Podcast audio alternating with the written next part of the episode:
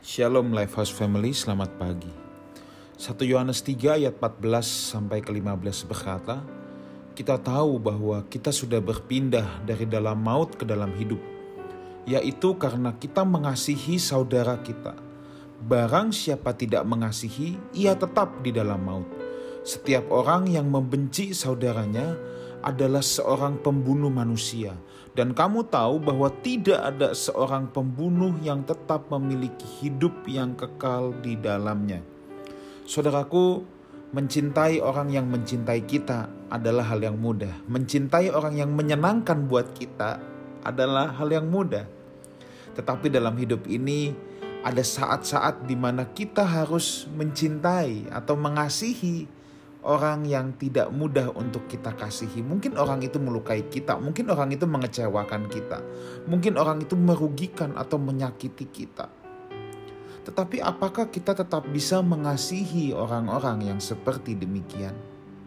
Kalau kita bicara tentang kasih saudaraku, maka yang terlintas dalam pikiran kita adalah pasti orang-orang yang juga berbuat baik kepada kita. Tetapi kekristenan mengajarkan yang lain Bukankah Kristus telah mengasihi kita sejak kita masih berdosa? Bukankah Kristus sudah jauh lebih dulu mengasihi kita dalam keadaan kita yang masih sangat rusak, kotor? Demikianlah juga Tuhan mau kita belajar mengasihi.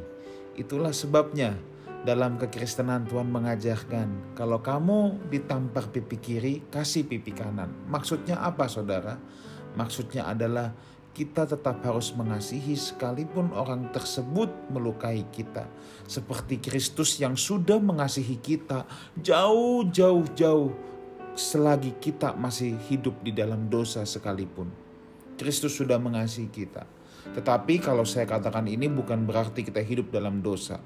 Yang saya maksudkan adalah Kristus telah mengasihi kita lebih dulu. Sejak kita masih di dalam dosa tentunya setelah kita mengenal dia, kita harus mau diubah oleh dia.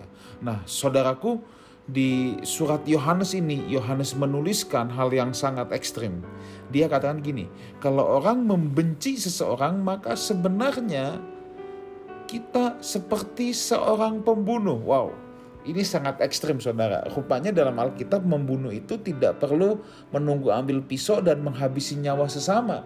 Tetapi ketika kita membenci seseorang, kita juga sudah dikatakan membunuh. Itulah sebabnya hidup kekristenan itu tidak mudah saudara. Sebab kita harus mengolah batin kita terus. Kita harus mengolah nurani kita sedemikian rupa. Supaya kita memiliki hatinya Tuhan supaya kita punya hatinya Tuhan. Nah, mungkin saudara bilang sama saya, tapi gimana pendeta? Tapi gimana pastor untuk saya mengasihi dia? Dia tuh udah nyebelin banget. Saudaraku, mintalah kasih karunia Tuhan doakan dia dan berkata Tuhan aku mau mengasihi dia aku mau mengampuni dia mengatakan ini bukannya berarti saudara harus menjadi sahabat dekat dengan orang-orang yang jelas-jelas membahayakan kita tetapi kondisi hati kita jangan sampai dikuasai benci jangan sampai dikuasai dendam kita lepaskan pengampunan saudara. Apa yang saya katakan ini masalah yang sangat batiniah. Ada orang yang kelihatannya tidak dendam tapi dalam hatinya masih menimbul kebencian. Dia masih menimbun sebuah kedendaman. Ini sangat merugikan dirinya sendiri, saudaraku. Justru di sinilah kita belajar. Kalau kita berkata Tuhan, aku mau diproses seperti engkau. Nah inilah salah satu ujiannya, inilah salah satu pembelajarannya bagaimana kita mengasihi orang yang membenci kita.